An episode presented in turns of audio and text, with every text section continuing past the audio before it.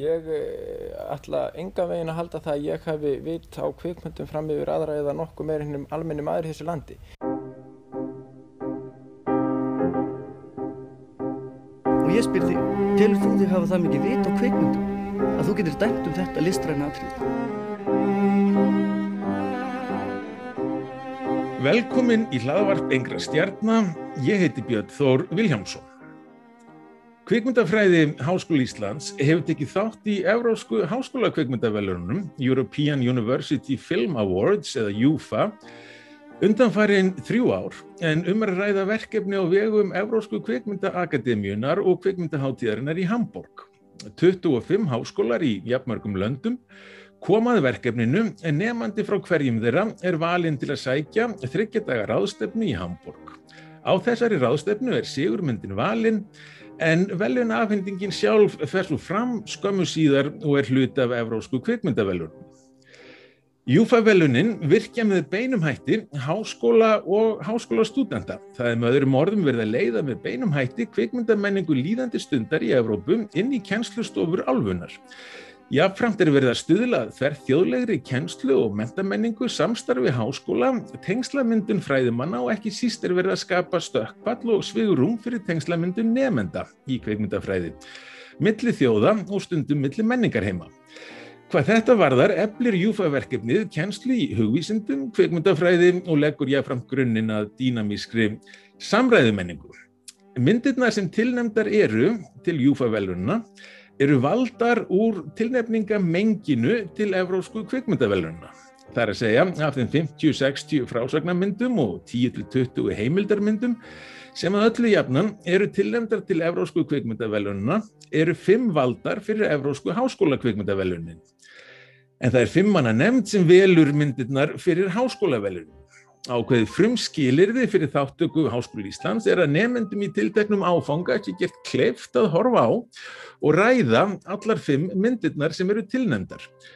Og það er ekki endilega sjálfsagt að hægt sé að skapa svigrum fyrir þetta margar kvikmyndasýningar, engum þar sem um er að ræða myndir sem óljóst er hverjar síu þegar lagt er að staði í upphæfi. Hins vegar er grunnnámskeið kveikmyndafræðinar, kveikmyndarýni, sérstaklega sveianlegt og hendugt í þessum kringumstæðu. Í hverju kennsluviku í námskeiðinu er fjallað um tiltekki svið eða þátt í fræðilegri umfjöllunum kveikmyndir. Það er í raun verið að fara yfir grunnatriðin, í einni viku er fjallað um klippingu til dæmis, í annar um kveikmyndatökum, í þeirri þriðju leikmyndina og í þeirri fjórðu frásögn og svo framvegis. Samhliða fyrirlestrum og lestri nefnda er mynd sínt sem svo er rætt og fjallaður um í samhengi við viðkomandi áhersluatriði. Og þessum hægt er að fjallum nær allar kvikmyndir á þessum forsendum er auðvelt að innlima myndirnar sem Júfa tilnefnir í kennsluefnið og því hefur kvikmyndaríni verið vettvangurinn öll þessi þrjú ár eh, fyrir Júfa. Myndirnar fimm eru þannig síndar í skipulaður í dagskrá námskeiðsins, umræðirnar eru sum leiðis innlimaðar í kennsluhættina Og þegar allar fimm myndirnar hafi verið síndar og rættar fer fram formuleg kostning, nefnendur fyll út eigðublöð frá Júfa og niðurstöður þessar kostningar eru, eru svo sendar út til Hamburger. Þessi innri kostning í háskólanum hefur áhrif á það hvaða myndir komast upp úr fyrstu umferðinni á ráðstefnunni.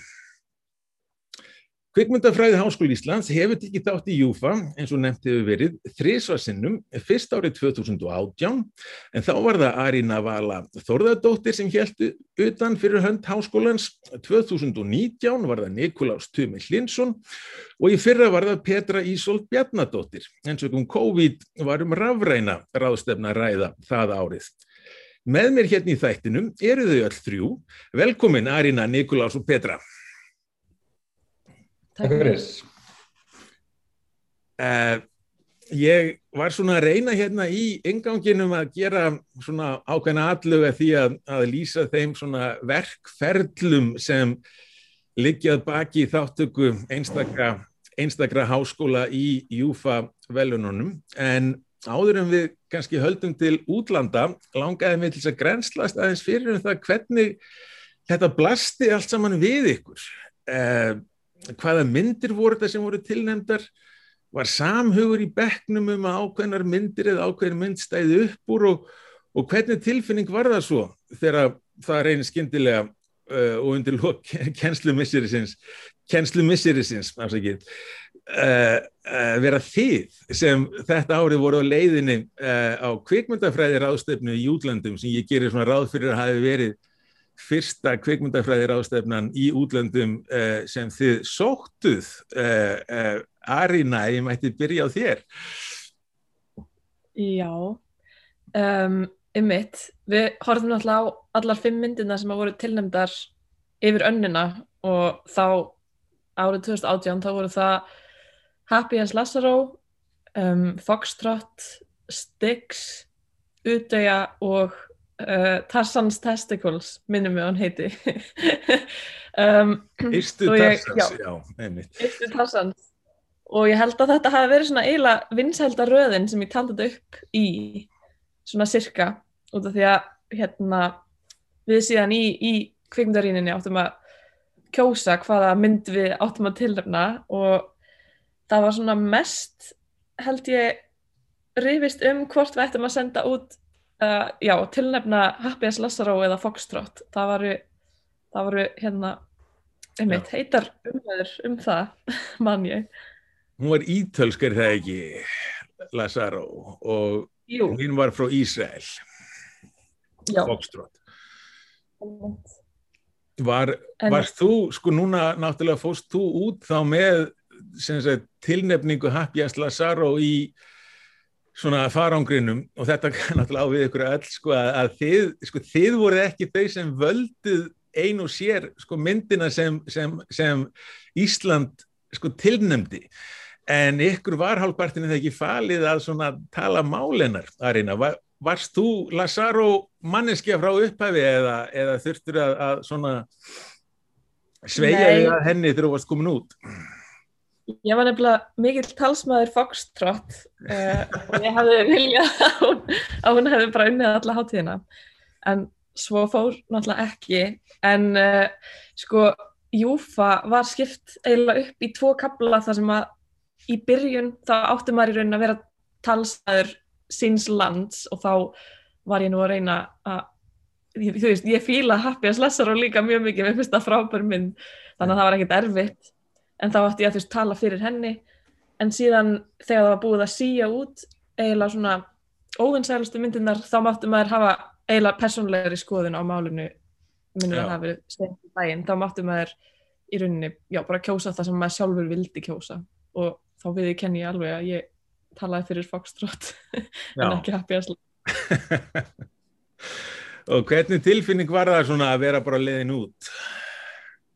Um, bara geggjur tilfinning. Þetta var einmitt mjög svona stórt fannst mér að fá að gera þetta og bara mikill heiður að fá að taka þátt og bara ekkert smá skemmtilegt allt ferlið bara frá upphæðu til enda.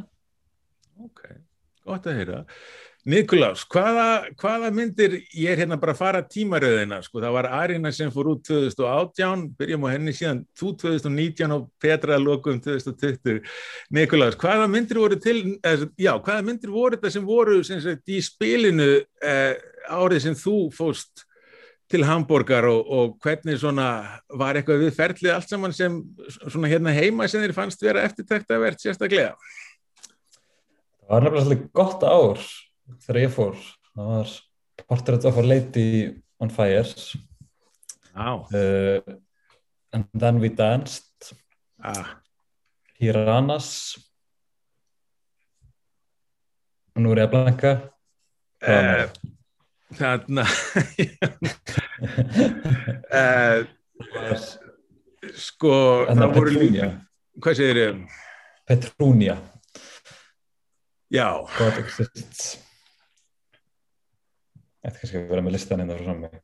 Já, ég hef líka getið að vera með listan fyrir, fyrir að mig ef ég voru alveg hrein, hreinskilinn. Þú ert nýfluttið til Danmarkur og, og, og uh, átt inni alls konar svona sveianleika í styrkum þess sko en, en það er svona ég held einmitt að ég sé ekki meðan beilins fyrir að mig heldur sko en, en það var Petrúnia já uh, og System Crasher var System Crasher, já, alveg rétt, alveg rétt. Þetta voru allt saman alveg eðalmyndir nefnilega þegar Arina með, með einni undantekningu, það var einn nefandi minni mig sem talaði mjög fjálglega máli eistu Tarsans en, en ég man að mér fannst það vera alveg ríkalega vond mynd sko og, og sko já, einmitt Foxtrot og kannski einmitt Lazaro voru mjög góðar sko Lazaro fannst mér alveg sérstaklega en En þarna, Nikolás, þú, bara, þú nefndir þarna þrjár allavega alveg framúskarandi myndir, sko, og eina sem náttúrulega vækti síðan bara heimsatikli í kjölfarið. Einmitt, sko, og, og það var einmitt myndin sem við endum að velja, hvort þetta að fá liti on fire. Uh, málverk af, af... Logandi hefðarkonu.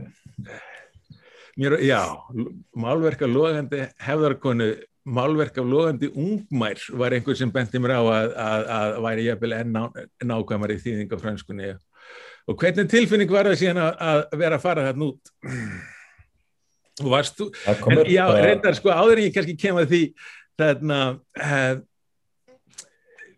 sko System Crasher var rosalega flott sko og And Then We Danced var alveg meiri háttar sko, mér minnir meiri sem hún hefði komist inn á top 5 listan minn persónulega fyrir þetta ár sko sem Portrait gerði líka. Hún var minnum í fyrsta seti. Eh, en var þetta bara svona þá yfirbröðakostning eh, fyrir lo logandi eh, hefðarkonuna? Það er hérna alveg yfirbröða hún, hún, hún tók þetta alveg klálega sko. En Já. Then We Danced var í fylgdi fast eftir. Það var þessi sagt, sænsk georgíska mynd um, um samkynniðan dansara. Ó, ótrúlega flott mynd sko. Mm. hún átti líka eftir að vekja heilmikla aðtikli sko tók ég eftir síðan bara í kjölfarið sko með því að vera með við erum að fá alveg glæn nýjar myndir nefnilega alltaf þarna inn sko og það er alltaf skemmtilegt að sjá síðan sko, hvernig sumar þeir að koma inn í kvikmyndalandslægið svona, svona á árinu sko, eða í rauninu árið eftir við gerum myndum haust og síðan vorið eftir eru stundum þessar myndir að, að koma inn í kvikmyndaumræðina alþjóðlegu sko. ummitt, ummitt En hvernig tilfinning var þetta að vera svona leiðin út, Nikolás? Var þetta uh, spennandi eða var ég þér til þess að, fara hérna til útlanda? Mér bara brá ógslag mikið. Þú allt í hennu kallaður upp þrjú nöfn og, og eitt er að var mitt og ég svona, hæ? Og var eiginlega ekkert að búa stöði, sko. Ég held að veru einhverjir miklu flottari krakkar en ég að fara. Það var náttúrulega bara frábært tilfinning að að fá þetta tækifæri. Það var náttúrulega bara alveg geggjað, sko. Ég ætti kannski að taka fram að, að í upphæfið missiris einmitt þá tek ég fram að, að, að þarna, þetta sé svona alveg bara eh, blóðug samkeppni sko, það eru bara þessi þeir nefndir sem skara fram úr í námskeiðinu á ýmsa vegu. Þeir, þeir búið reyna þannig að þið öll sem sagt e e eigi það samveilegt að hafa skara fram úr í þessu námskeiði á ykkar tíð. Til að hafa mikið með það.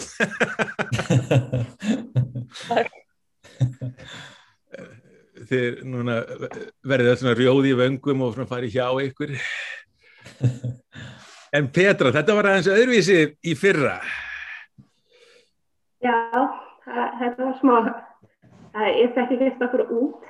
Þannig að Þú fóðst ekki út, nei Þetta var rafræn en, en sko ég forveitin um kannski hvernig, hvernig rafræna hvernig, já sko ég, ef við myndum kannski bara byrja á því og hérna voni ég að þú munir þetta betur en ég hvaða myndir voru þetta aftur sem voru, í, í, í, sem voru tilnæmdar í fyrra? Eh, það var eh, Runaway eh, Corpus Christi Slalom eh, Berlin Alexanderplatz og Drag Þessar þrjár síðustu Berlin Alexanderplatz og hverja voru hérna tvær? Uh, slalom og...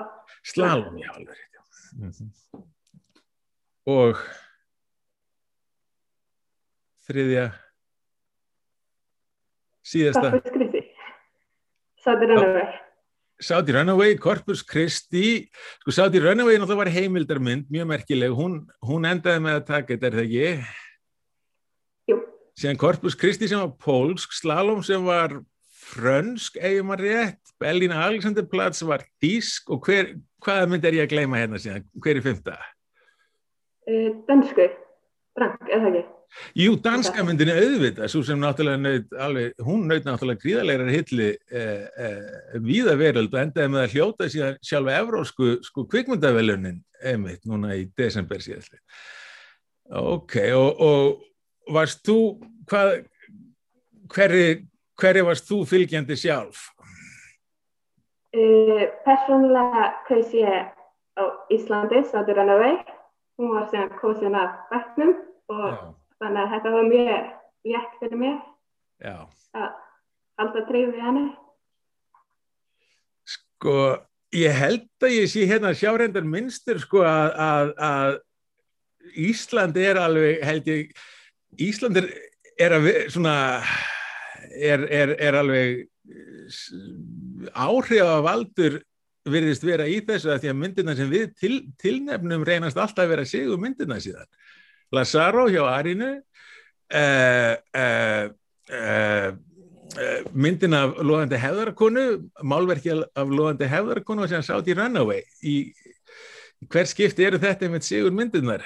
Við erum hansi nösk hérna, þó, þó við séum einangruð. Hvernig, rafræna síðan, sko rafræna varst þú bara við tölvu þá heima hjá þér þarna í þrjá dagar samfleitt?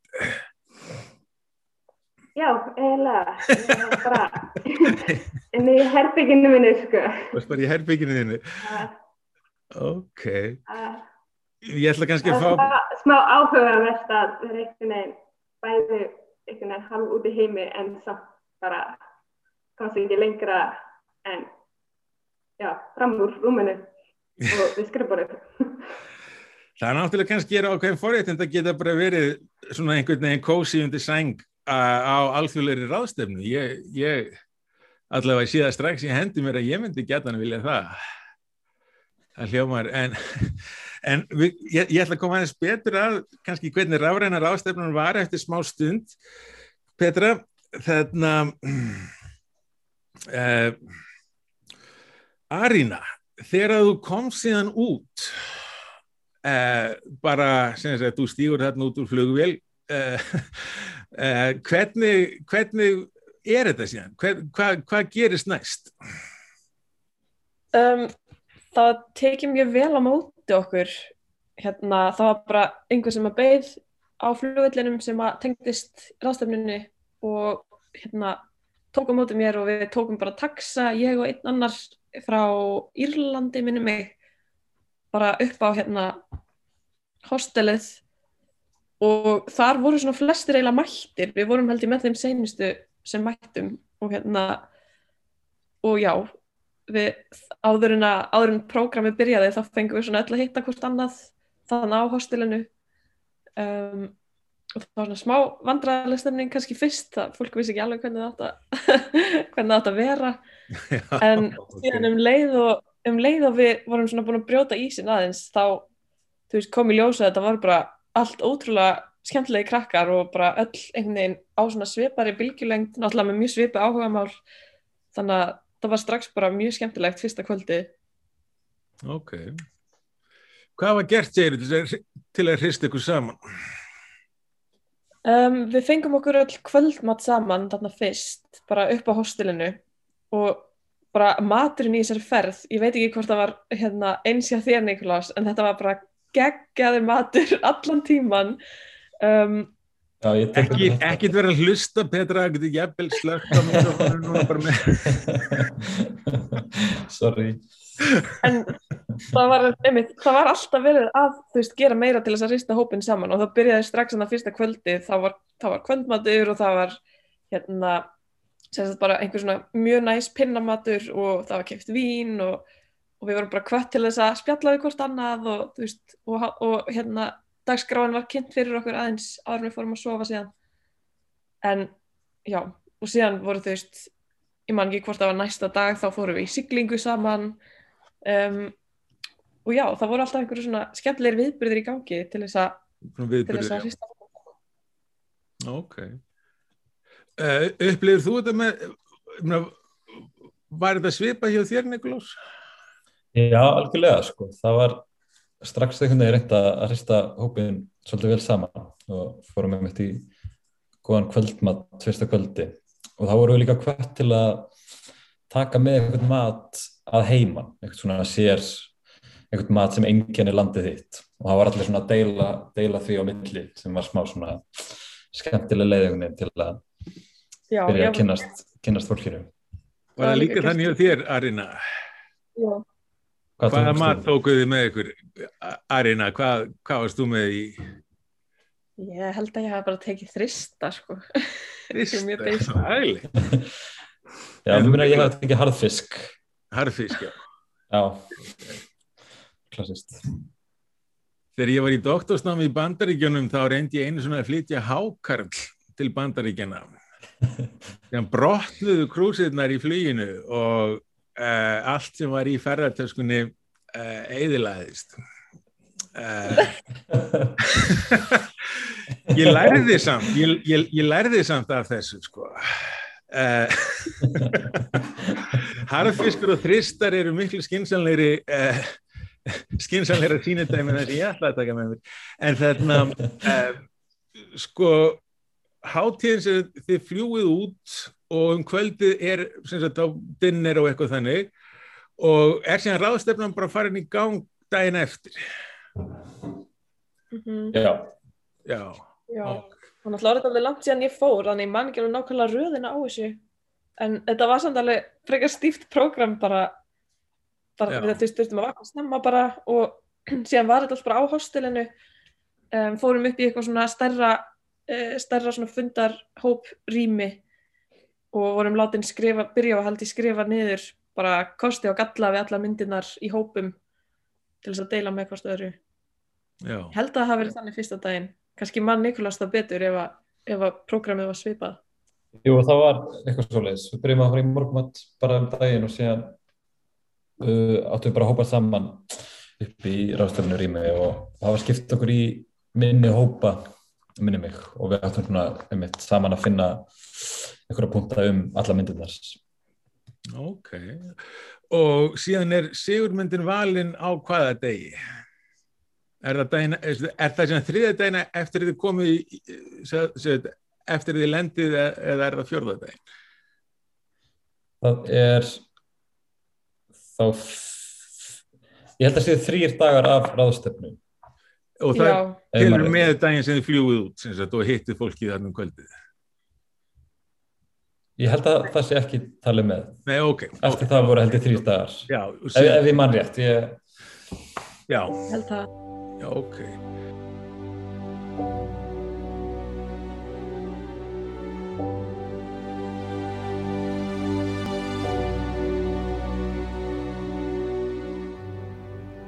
Playhouse, put my favorite record on. Get down, get your crystal method on you like Tartan. Driving around the city, flirting with the girls like you're so pretty. Springsteen is the king, don't you think? I was like, hell yeah, that guy can sing. Like, ooh, ooh, ooh. Ooh, ooh, ooh, ooh. You make me crazy, you make me wild. Like a baby,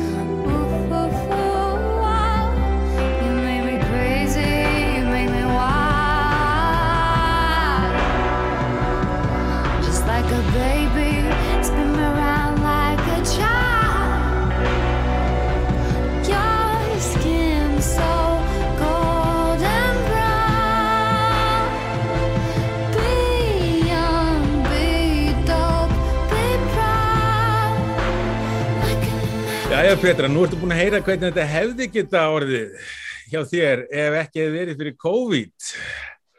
Hvernig, hvernig, hvernig ósköpunum greitti ev Evróska kvikmyndaakademían og kvikmyndaháttin í Hamburg fram úr uh, COVID-vandamálinu? Hvernig var þetta hjá þér? Uh, það var alveg sýnilegt að við vorum að reyna að bæta upp fyrir þetta með allan hátt og höfðum við mitt svona uh, kvöldskemmtun að uh, hrista hópin saman í ykkur Zoom og Í ímislegt. Zoom segir Já, Ok. og svo vorum við alltaf með opið samsagt Zoomið í hátishljónum nema ég fór reyndar ekki eða var ekki þá þannig að ég get ekki sagt hvað hversu margir nýttu sér það en það var verið að reyna held ég að bæta upp fyrir já, Það var reynt, já. en- Það verður engin sigling verið náttúrulega nema bara kannski þegar fengið sendt vídeo af siglingu. Nikolás Tumi hérna að veifa. Ok, þetta var tilraun til, brand, til, til brandara gerðar þarna, ég ætla að láta af því hér ég læta af því hér. Eh, en, en þarna og en þetta hefur samt verið ég meina, eins og Arína og Nikolás lýsir þessu þá var þetta svona aldrei stramt prógram svona alveg frá modni og, og fram til degi og jafnvel fram á kvöld sko var þetta líka þannig uh, hjá þér Petra? Uh, já, þetta voru sem sagt uh, byrju fyrsta kvöldið var bara svona kynning. Við gerðum öll uh, vídeo, það hefur örgulega komið í staðin fyrir matinn. Þannig við ætlum að kynna okkar uh, svæði eða borg. Og þannig við vorum að horfa bara á vídeoðun hjá öllum hinnum og svona eitthvað aðeins að kynnast. Og svo voru komið tveir dagar sem var bara, já, finna. Já. Já. Ég man að það var svona óskæð eftir vídjói frá svona þínum eftirlæti stað uh, í borginni þar sem þú býrð. Hva, hvar tókst þú upp þitt vídjó, Petra? Eh, ég tók upp í Bíóparadís. Bíóparadís, já. Valið. Já, já. Þarna, Kannski, hvað segir þau? já, kannski smá fyrir sjónlegt fyrir kvikmynda, já, innum það. En það voru fleiri með bíóhús. Það var frekar algengt. Já, það, var það Ah. svona stef, Já, þema, já. Þarna, sko, ég er pínlítið forvitin um svona hvernig síðan ferlið var þegar að sigurmyndin var valin eh, eh, Arína, mætti ég beða þig um að, að svona eftir bestu getur rifja upp hvernig, hvernig ferlið var 2018 þegar þú fórst. Já, hérna, ég man, ég man alltaf mjög vel eftir, sko, við fengum, þetta var á þriðja degi, þá fengum við tækifæri til þess að tala fyrir okkar mynd, þá bara, þú veist, settist maður niður og bara skrifaði texta, bara svona eitt síðasta, ein, eitt síðasta argument fyrir myndinni sinni og það farið hringin og allir gáttu lesið upp bara af hverju, hérna, þú veist, maður fekk að heyra af hverju hinnir vildu, þú veist, að sín uppáhaldsmynd myndi vinna. Um, og það komið fram mjög margir svona góðir sannfærandi punktar þá.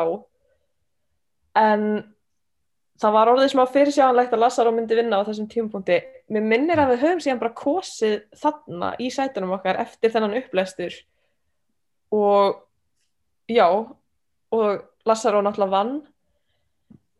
Uh, og svo setnum kvöldið þá hérna kynntu við vinningsmyndina í litlu bíóhúsi þar sem að myndin var síðan sínd uh, fyrir einhverjum áhöröndum sem að hefðu áhuga. Já, já. Og hvernig fór svo kynning fram sér? Um, við sem sagt bara fórum öll bara upp á, upp á svið eiginlega áður en myndin byrjaði og, hérna, og kynntum okkur aðeins bara sögum hvaðan við værum. Um, og síðan voru nokkru sjálfbóðaliðar sem að hefðu þá kosið Lassaró sem að, sem að kynntu bara myndina sjálfa áður en sýningin byrjaði. Já, hérna, og síðan var mér sér sínt vídeo frá hérna aðalleikaranum eða aðalleikaranum. E- ekki aðal heldur ég, já, veit ekki hvort það sé sé þessa mynd hérna því hinn en sem leik Tankred í hann að ljóshæra strákin sem að týndist. Uh, hann sendi, sendi okkur þess að þakkarvídeó eftir að myndin vann uh, sem var líka sínt í bíónu. Myndur þú kannski bara, bara svona fyrir kannski hlustendur sem hafa ekki, ekki séð Happy as Lazaro eða, eða sagt, eh, hvernig eh, sæ- sæll eins og ég, ég, ég var með einhverja þýðingu á þessu sæll eins og glæður eins og Lazaro eh, skiptir ekki máli. En, en væri til ég að bara segja okkur frá því hvernig myndi þetta var, um hvað hann fjallaði? Og hvað það var sem gerði hana góða eftir því sem best mannst? Já Vá, já, hvernig, einmitt, hvernig útskýrum maður við getum gert það kannski bara saman Já, endilega. Ég man að þú varst mjög hrifin af þessari mynd. hérna. Já, mjög hrifin að þessari myndir sko við kynnumst þessum hópi er það ekki af fólki bara sem er, er sko einhvern veginn að svona vinnur við einhverja svona svona landbúnaðastörf í einhverju svona, það er svona þorp, þetta virðist vera hálf tímalaust, alls ekki allavega nútímalegt á einhverjum svona egrum sem tilheyra einhverju svona greifinju og, og þarna Lazaro er einn af svona, svona þorpsbúunum er það ekki? Jú, einmitt. og Og hann er þessi dálítið kvörf svona- í miðjunni. Hvernig, hvernig voru þessi kvörf Einmitt, já, við kynnumst náttúrulega Lassaró, hann er einhver svona, þú veist, það sem maður getur líst bara sem, hann er frekar einfaldur, hann er fenginn til þess að ganga í öll störf, einhvern veginn hjálpar öllum. Og síðan verða eitthvað svona kvörf einmitt í miðjunni, það sem að bara, já, hvað, vill maður spilla myndinni eða, Það eru góði punktur. Það verða kvörf í miðri mynd sem við ætlum ekkert að fara nánar út í, sko, en, en mjög afdreifarík og breyta öllu er það ekki, sko, og, en Lazaro heldur áfram að vera svona þessi svona típa sem hann er, hún, hann eldist ekki, kemur fram, sko, og reynist vera svona hálgerður Jésús gerfingur eða ekki, eða svona einhvern veginn heilagur, svona he- heilagt fíbl eða eitthvað þannig, sko, svona eins og svona löng bókmænta er fyrir. Mhm. Já, einmitt. Já, myndin tekur eiginlega bara algjöra u-beigju þannig að fyrir miðju sem að var það sem að koma eiginlega skemmtilega á óvart við þessa mynd, það er það sem að gera hana svo góða. Það er fyrst mér þessi seinni helmingur næstu því, Já. sem er kannski erfitt að fara, erfitt að fara meira út í án þess að spilla myndinni. Einmitt. Nikulás, ég myndi aðeins spyrja þig sko, var ferlið svona svipað, ég ger nú ráð fyrir því að það hafi nú verið kannski bara svipað árið eftir þegar þú fóst. Já, mætti segja það sko, en kannski það sem var áhugaverst þegar ég var, var einhvern veginn hvernig allir skiptu um skoðun í gegnum ferli. Já. Uh, við byrjun hátíðina þá voru einhvern veginn allir á því að Portrait of a Lady væri langbesta myndi. Það var bara lang flestir sammála um það. Og maður mætti bara, já ok, það, þetta er bara easy, hún er bara að fara að, að taka þetta. En síðan einhvern veginn í gegnum umræðina þá þróast þetta þannig að, að When We Danced fekk meira fylgi og undir lokin var þetta orðið freka jaft á milli hópana. Já, já. Ok. Ef þú ættir aðeins að lýsa málverkinu af, af logandi ungmæri eða logandi hefðarkonu, hvernig svona sem, sem sko hún uh, uh, uh, Celine Sciamma leikstýrir. Og er það ekki Alice Rothvar eitthvað, er, er ég að fara rétt með leikstjóra Lazaro Arena, með minn er Alice Rothvar, Rothvar minnum mig Rothvar. Eitthvað mann ekki nákvæmlega eftir Hver, en það er kvenleikstjóri einmitt, alveg eins og að, að, að loðandi hefðarkonu, sko. hvernig, hvernig mynd er það, þó að ég genur ráð fyrir kannski aðeins fleiri þekkjana heldur en sko Lazaro það var nú samt bara þannig með svona heimsbíóið og alþjóðlegu listamyndina að þær eiga nú ekki svo greiða leið hinga til Íslands. En, en báðar þessar myndir voru síndar í Bíóparadís, ættu nú samt að taka fram. Þannig að hvernig myndir þú lýsa myndin hennar skíum Já, þetta segir sér frá uh, listakonu sem fær það verkefni að mála portrétt af hefðarkonu á þess að hún viti af því. Og því að segja á að senda þetta málverk til einhvers karlsmanns sem ákveður svo að giftast henni út frá, út frá því sem hann sér. Og af hverju þarf að gera það á þess að hún viti af því?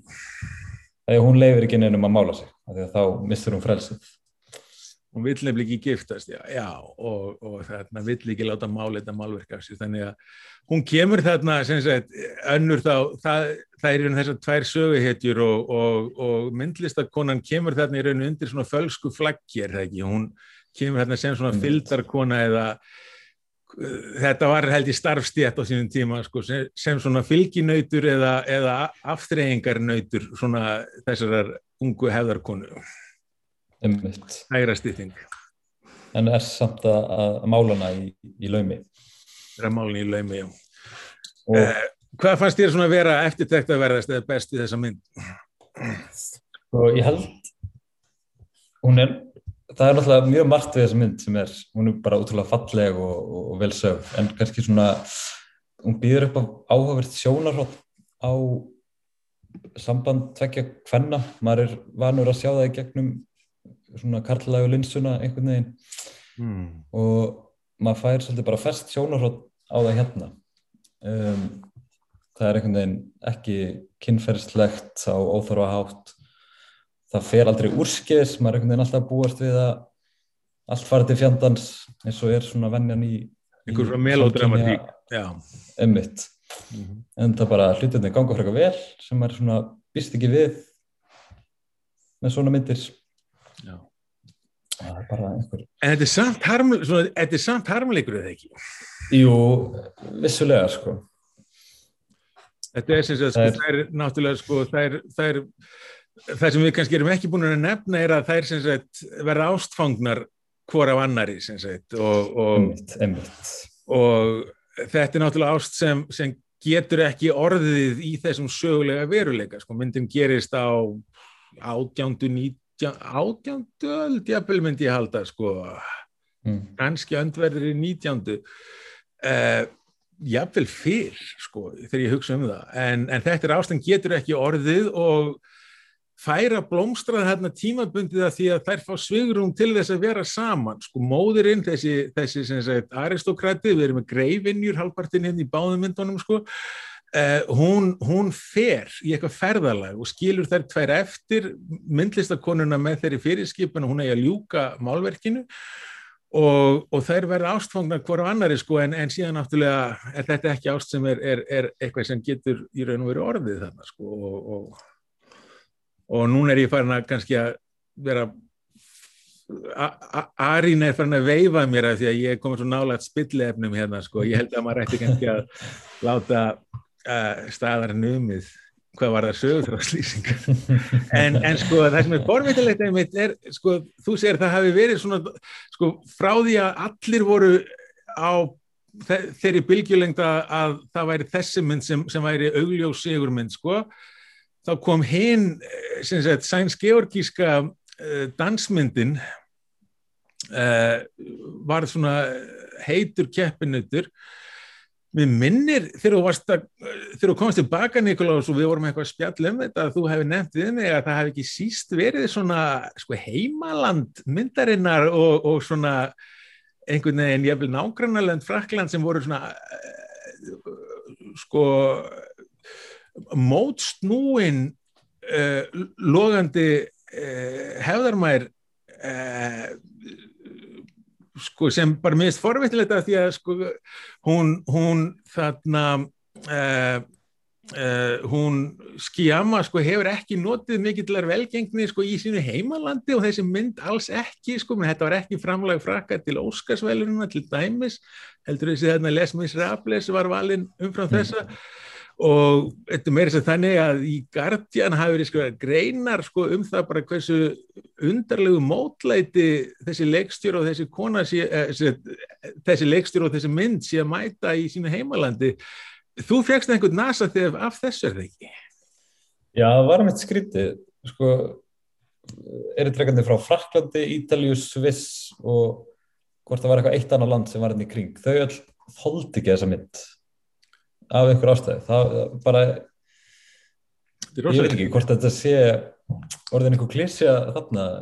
Nei, alls ekki, sko, hún var veist, ég þetta var ekki nefnilega klísja svona sko eins og bara þú þreytur að sé verið að, bera þessa mynd á, á, á svona einhvern veginn eh, svona, já, upphefja þessa mynd einhvern veginn bara þvert á mótið sko, hún fekk bara ekki mikla aðsókn, fekk ekki jákvæð umfyllin í fjölmjölum og leikstjórin ekki sko hefur, hefur líst í sjálf sko að henni finnist hún ekki eiga beilinni svona bakland í sínu heimalandi sko, þetta er alveg stór, ég, en af hverju veit ég ekki nákvæmlega, mér Ítalía og Frakland náttúrulega eru kathólsk lönd? Kathólsk skýrst þetta með kathólsk ég veit það ekki, en, en þetta er forveitnilegt vegna þess að þessi mynd naut síðan sko hún hefur farið sigur fyrir um heiminn sko, einmitt.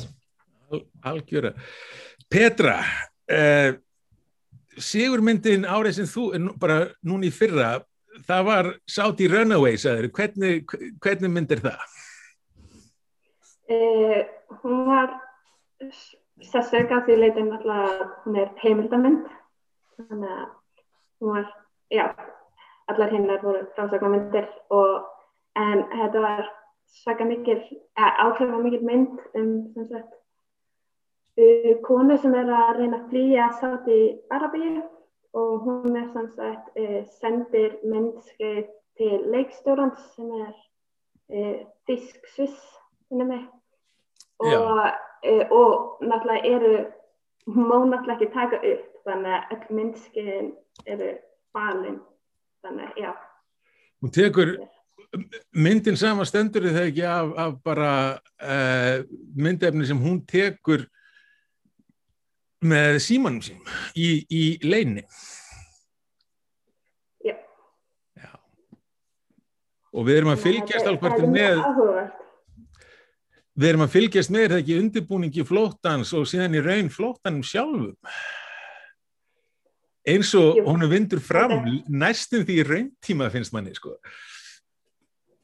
þetta er mjög spennandi mynd eða svona fær alveg smá frásagnar element nánast við það að þú ert alveg spenntið við hvort þetta actually henni að komast. Maður verður alveg, bara þetta er alveg svona bara magþrungið eiginlega sko, maður, maður bara verður einmitt sko, svo miklu involveraðri heldur en kannski ég bli í frásagnarmynd af því að þetta er raunverulegt og maður getur ekki alveg gengið út frá því sko, sem vísu að hetjunni sko, að, að það verði farsæl úrlaust fyrir hetjun eins og maður getur kannski gert í mörgum öðrum leiknum frásagnarmyndum sko.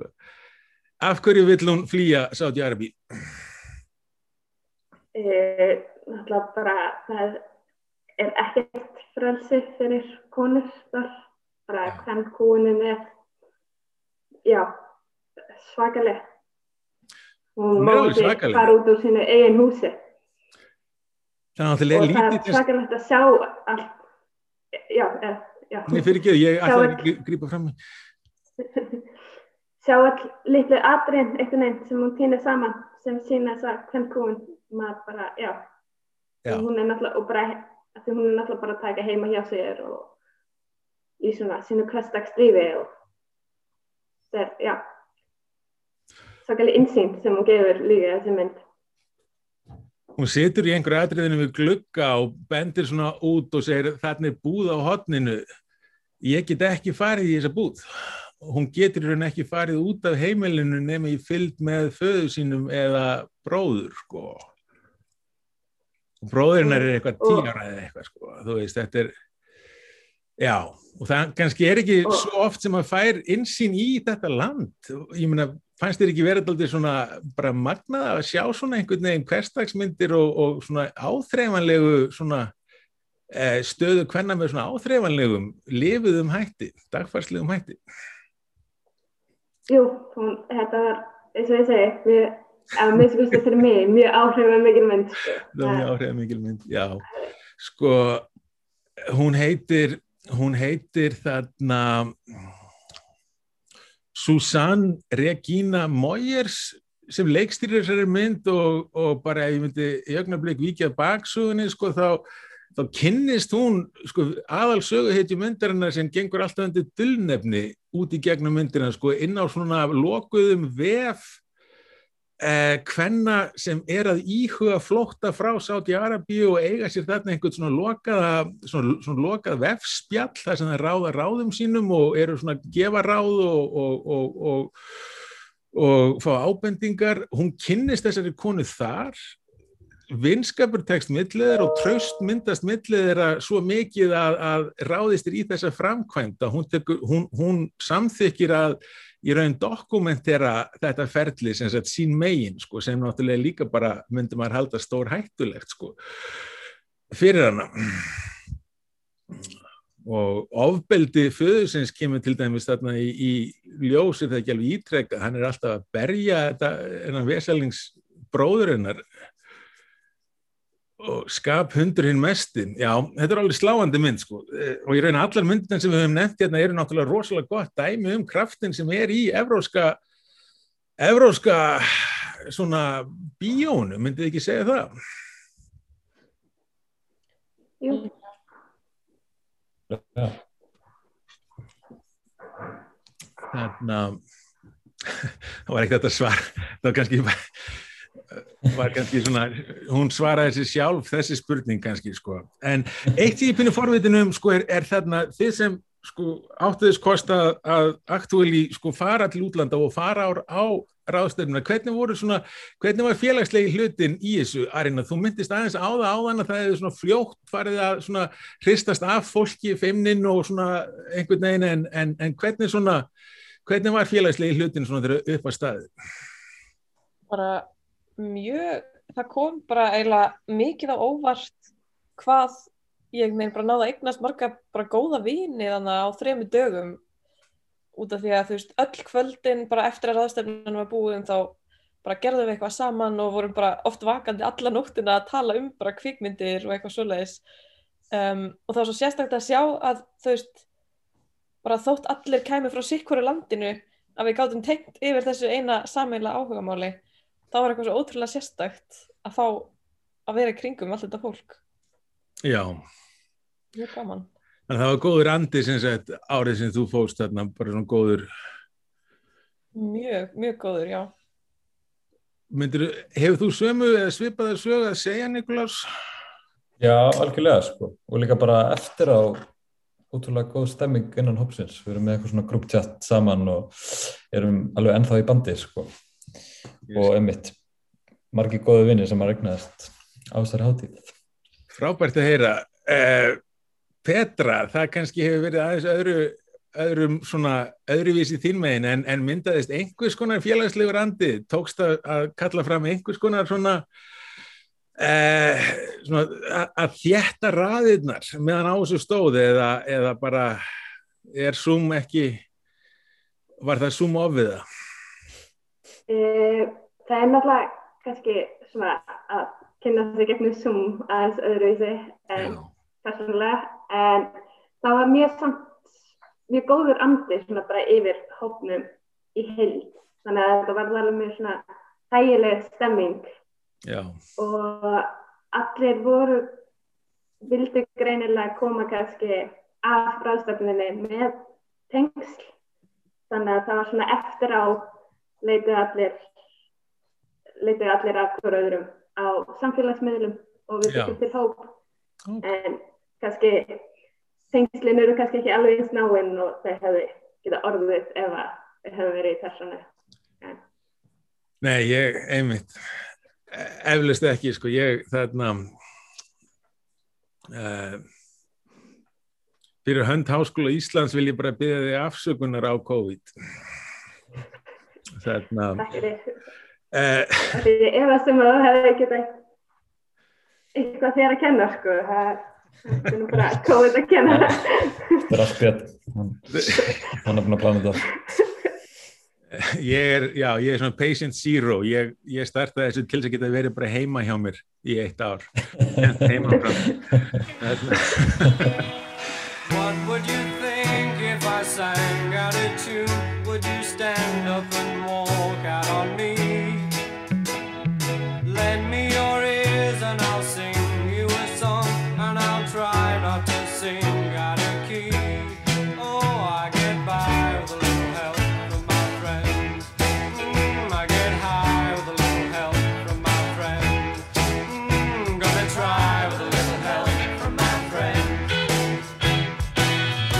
svona kannski að, að, að lokum, er eitthvað svona, svona er eitthvað takeaway sem þið myndið svona hafa bara eftir á að hyggja og, og eitthvað sem þið lærðuð eða eitthvað sem ykkur finnst þið hafa grætt svona á þáttökunni ráðstef, á ráðstefnunni, Arína, ef ég myndi byrja á þér.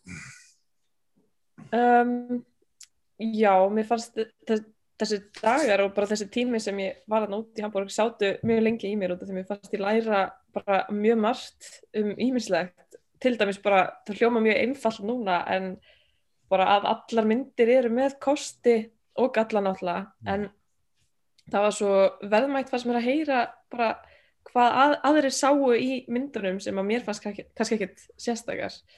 Mm um, og það er svona, þú veist, já, bara opnar augun mín meira bara þegar ég er að horfa á myndir og kannski fæ svona impressionum að ég fíla þær ekki þá veit ég samt að það er alltaf eitthvað gott við þær, skilur í flestum tilvægum Þú komið með svona díalóg inn í, fyrir hvað var þetta síðast að ég heyrði það ekki alveg. kannski ekki tilvægi eistu trúa Nei, það er mjög erfitt að, að gerast formælandi hennar, sko, ég, ég, ég til dæmis held bara þó að þó að byssu væri haldið við, við, við höfuð á mér, þá get ég það ekki, sko, þetta var eina, sko, hún situr ennþá í mér sem ein alversta heimildarmynd sem ég hef séð, sko. en það var nefnilega svo að það var alveg slatta fólki þótt hún hafi verið í síðasta sæti sem að sáu bara mjög góða hluti við þessa mynd og það var bara magnað að fá að En- Þetta er þetta heimildamynd, um hvað fellar þessi mynd? Arína, um hvað fjallaði eistu tvarsans? ég man það ekki alveg lengur en eitthvað svona um, apa tilrauna stofu í Rúsland nei, býtu, hvar var þetta? ekki Rúslandi Rúslandið eða Afríku? nei, ekki Afríku, það var í einhverju svona jú, kannski var þetta bara Rúsland eða, eða Var þetta ekki í Rúslandi? Mér, minnir þetta að vera í Rúslandi sko og hún fjallaði ekki um neitt nefnir bara skrýtnar tilraunir á öpum sem svona í fortíðinni sem var reynd að tengja við alls konar svona spennandi hluti eins og þriðja ríkið og nazisma og eitthvað svona sko en, en gengur síðan út á sko maður held alltaf að þetta yrði svona eins og eiga doktor Moreau að það væri svona verið að fara í einhver svona samruna sko, samruna sko manns og apa en hún varði aldrei það crazy og skemmtileg sko.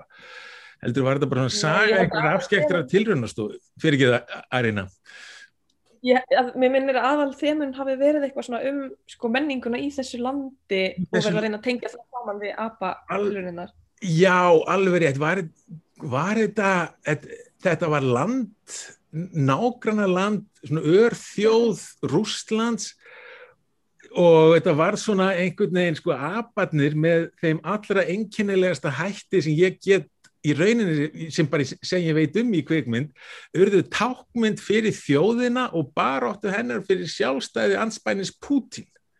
Þetta var rosa Já. skrítið. Þetta var alveg Nú er þetta alltaf að koma tilbaka sko.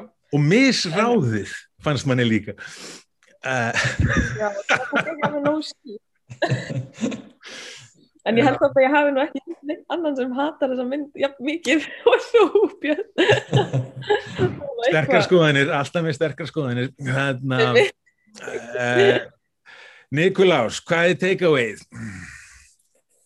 Ég, það er spurning, sko, þetta er náttúrulega allt mjög svona allar þessar myndir einhvern veginn fjalla um samfélagið og pólitík á eitthvað svona ákennandi hátt. Og ég held að það hefur verið verðmætt að geta tekið hátt í svoleiði samröðum með svona fjölbreyttum hópi frá, frá mörgum ólíku löndum.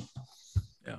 og síðan líka á minni skala þá tók maður eftir hvað Bíóparadís er mikilvæg stofnun fyrir okkur. Af því að það er eina bíóhúsi sem syndi allar myndunar sem voru á hátíðinni þegar ég fór Þetta er ótrúlega góður það er náttúrulega átti sko, það átti að vera, sko, þetta átti að vera á Íslandi í fyrra. Eh, Evrósku kvikmyndavelunin, það átti að afhenda þau í hörpu í desember í fyrra og eh, út á COVID var bara það fælt niður, þetta verið 2022 held ég í staðinn sko, en ég man að okkur að þarna síðan um sko eh, vorið lokar Bíóparadís sko. Og á, á, á tíma var útlit fyrir það að við myndum vera að hósta evrósku kvikmyndavelunin hafandi ekkert listabíó og ekkert bíó sem síndi myndirnar sem voru tilnefndar sko. Og sko þú veist, hundruðir manns hefði verið að koma til Íslands þar á meðal aðstandendur þessara kvikmynda í þessar svona sem þá hefði verið og væri án bíóparadísar bara svona kvikmyndaleg auðun. Það var ótrúlega vandræðilegt sko og, og það er alveg absúrt að hugsa út í það sko. Já, og þó að kannski 2020 fari ekki niður í neinar svona annarlabækur sem, sem gott ár, þá allavega gerðist það að Bíóparadís opnaði aftur þó það sé nú kannski eftir gæfu þessa kvikmyndahús að opna beintin í COVID og geta hleyft tíu mannsinn í sali í einu en samt sko með nýjan samning við, við ríki og borg sko þannig að það, þegar ég lítum öll þá er þetta það jákvæðasta sem ég get nefnt með síðasta ár líku við Þetta. En Petra, uh, uh, er eitthvað svona takeaway sem þú, er eitthvað sem þú tókst með þér út úr þessu öllu saman, annað en bara að bölva COVID og, og uh, meðvitundum að, að þú komst ekki til Hamburger? Uh, já, Já, Gott. það var smá bemmið að, að komast ekki út. Uh, ég var nefnilega ánæg nefnilega sko fyrir um sömur eða ég hafði ekki panta minn eina útlandaferð sem ég var að missa af. En sem kom Mm. þetta þá taknilega sem misti ég af útlandaferð. Þannig að það var smá. Svona Mm. bæði gaman og leiðilegt að vera valinn á þessu ári en þetta var svona sakalega reynsla sko. Það, man lærði mikið og eins og Arína tala um kostina Já, þá fannst mér mjög áhugavert að þau held ég fyrsta verkefni var um bara að draga jákvæða punkta úr öllum myndunum. Ekki að við festumst í neikvæðari gaggrinni og svo svona skoða myndinar út frá einmitt hvað hátíðin stæði fyrir og, og allir með sín mismunandi sjónarhorn og það var, já, mjög reynslu ríkt sko. ljómandi, þetta er náttúrulega mjög bara, það, er búið að vera afskaplega forveitinlegt að heyra uh, þetta, allt sem þið hafið að segja um, um Júfa, en núna svona undir lokin þá langar mig til þess að bjóða ykkur í betri stofuna menningarhornið þar sem við svona uh, mælum öll með kvikmynd sem við höfum séð nýlega og fannst forvitnileg. Arína, ef ég mætti byrja á þér. Já, um, herði, ég sá í Razorhead í fyrsta skipti mjög nýlega. Um, Já, hérna hér, það er nú og mér fannst hún æði. Um, það kom svo óvart, ég veit ekki hvort þetta hljómar fárlega eða hvort að, hvort að fólk tengir við þetta, en mér fannst þetta að vera svona mjög huggandi mynd. Mér fannst væri líka mjög kósí að vita hvort að fólk tengir við þetta. Já, Getur aðeins útskipt hvað var huggandi við Razorhead? Ég er mjög forvitin. Sko það er erfitt að setja fingurinn á það. En, en bara já, erfitt að koma því orð kannski en það er eitthvað svona náttúrulega þema í myndinni bara um að lífið sé náttúrulega bara yfir þyrmandi og surrealist og algjört rugg einhvern veginn. Já, já. um, bara hversdagslíf að bara að, já, hitta tengda fóreldra sína og þú veist, bara þessi tilhugsun um að eignast batn og eitthvað það, þú veist, að sjá það sett fram á þennan hátt var bara eitthvað svo svona, uh, svona relatable eiginlega og svona smá huggandi að sjá þú veist, og maður er ekki sá eini sem að, sem að líður stundum svona í lífinu, einhvern veginn. Já, já, ég skil, já. Ég skil þig, þetta er, fannst þér hún vera hrollveikjandi eða fannst þér hún vera fyndin? Ég, ég, tví, ég held tvístigandi sjálfur um það hvort þetta sé sko hrollveikja eða grínmynd. Emmitt, hún er með mjög mikið af svona grín elementum, sko. Mér fannst þetta að vera mjög fyndin mynd eiginlega. Um, en svo er náttúrulega hlutir inn á milli, svo aðlan bara badnið, sko, hann náttúrulega bara ógeslegt. Rosalega Eh. tröfn. Mjög. En jú, mér fannst hann meira fyndin heldur en, en hrollveikjandi og það kannski líka spilar inn í ástæðina fyrir því að mér fannst hann meira huggandi heldur en eitthvað svona óþægileg. Já, já. Þetta er, hún, þetta er alveg rosaleg kvikmynd, sko. Þetta er svona eina af þeim myndir sem standa alveg einstakar í kvikmyndasugunni og þær er ekkert svo margar. Ekkert sem er líkt þessu hefur nokkuð tíma verið gert, hvorki fyrir mér síður. Nei, Ertu David Lynch aðdándi? Já, bara ég er, ég er ekki svona fanatíker en, en ég hef séð mjög margar myndir eftir uh, Lynch og bara fíla þær allar þannig að já, ég myndi alveg segja að ég væri aðdóðandi sko. Já. Já, Reysir þetta er svona mynd sem maður þarf að hafa séð daldið. Hún er svo Já. uník og einstök einhvern veginn og, og líka bara sem upphafið á þessum magnaðar ferli sem Lind síðan átti, sko, þá, þá er hún eitthvað svo, þá, þá stendur hún eitthvað svo keik og líka pínur skýrandi að því að það er svo margt að því sem hann á eftir að gera eins og konan í opninum, sko, og svona að vera svona tilheyrilega engri sérstakri sjönru annari en bara Lynch myndinni, sko, sér maður Mhm. strax þarna. Já, algjörlega. Eraserhead, já, ok. Uh, Nikolás, hefur, hverju mælir þú með þessa vikuna? Já, herru, talandi um personum með, með skríti hár, þá horfði ég á myndina Leningrad Cowboys Go America um daginn. Þetta er Aki Kurusmaki. Hún segir frá 8 eða 10 hljómsveita meðlumum sem ferðast til bandaríkjana að reyna að meika það. Ertu, og, og hvernig myndir þú lýsa myndinu? Svona, er þetta grínmynd, er þetta sjönru, hvernig sjönru mynd er þetta? Þetta er náttúrulega svona bandatúra sjanrað, en þetta er grínmynd, en, en mjög þurr grínmynd, Já, svona að finnskum stíl. það finnst sko stíl, já. Ertu Kárus Maki maður? Þetta var fyrsta Kárus Maggi myndin sem ég sá. Sko. Og ætlar að sjá fleiri eða sóstu þið stýrin eða horfa aldrei á finnska mynda aftur eftir þetta? Nei, ég ætla að klála að sjá fleiri, fleiri eftir hann. Hún var heldur góð, sko. Hann er orðin stóri í heimsbíón í dag, sko, hann Kárus Maki. Uh, hann er að, í setni tíð hefur hann verið að svona, taka þessi stóru velun á stórum kvikmyndaháttíðum, meðan hann var svona meira svona einhvern veginn jaðar fyrirbriði finnst mér svona framan af ferlinu. Mm, já, mitt. Hérna. Þessi mynd er náttúrulega smá svona kallmynd í sér. Og þetta er kvöldmyndin hans, engin spurning já, þetta er kvöldmynd algjör sko og Já. ekki síst hárgreislan sko, hún hefur skilað sér með inn í svona íslenska gamanþætti sko sem hafa spaukstúðun á eitthvað. Já. Mitt, mitt. En Petra, með hverju mælið þú þessa vikuna? Uh, já, ég var nú bara uh, fyrir nokkrum dögum að horfa á meistaraverkið uh, Citizen Kane þannig að því ég mæli ekki með henni. Þú mæ- Þú mælið með sem Kane, já, stendur hún undir sem sagt?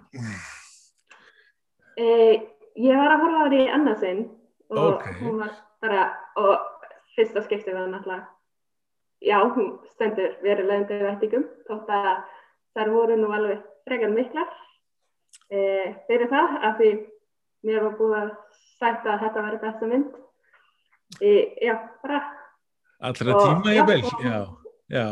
já og þarna, já, og hún var eiginlega bara enn betri í annarskipti Sko ég, ég gæti náttúrulega sko tekið núna á svona bara svona, í svona díalóg sem, sem, sem myndi vera jafn langur og spjallið áðan um Júfa sko bara um Kane.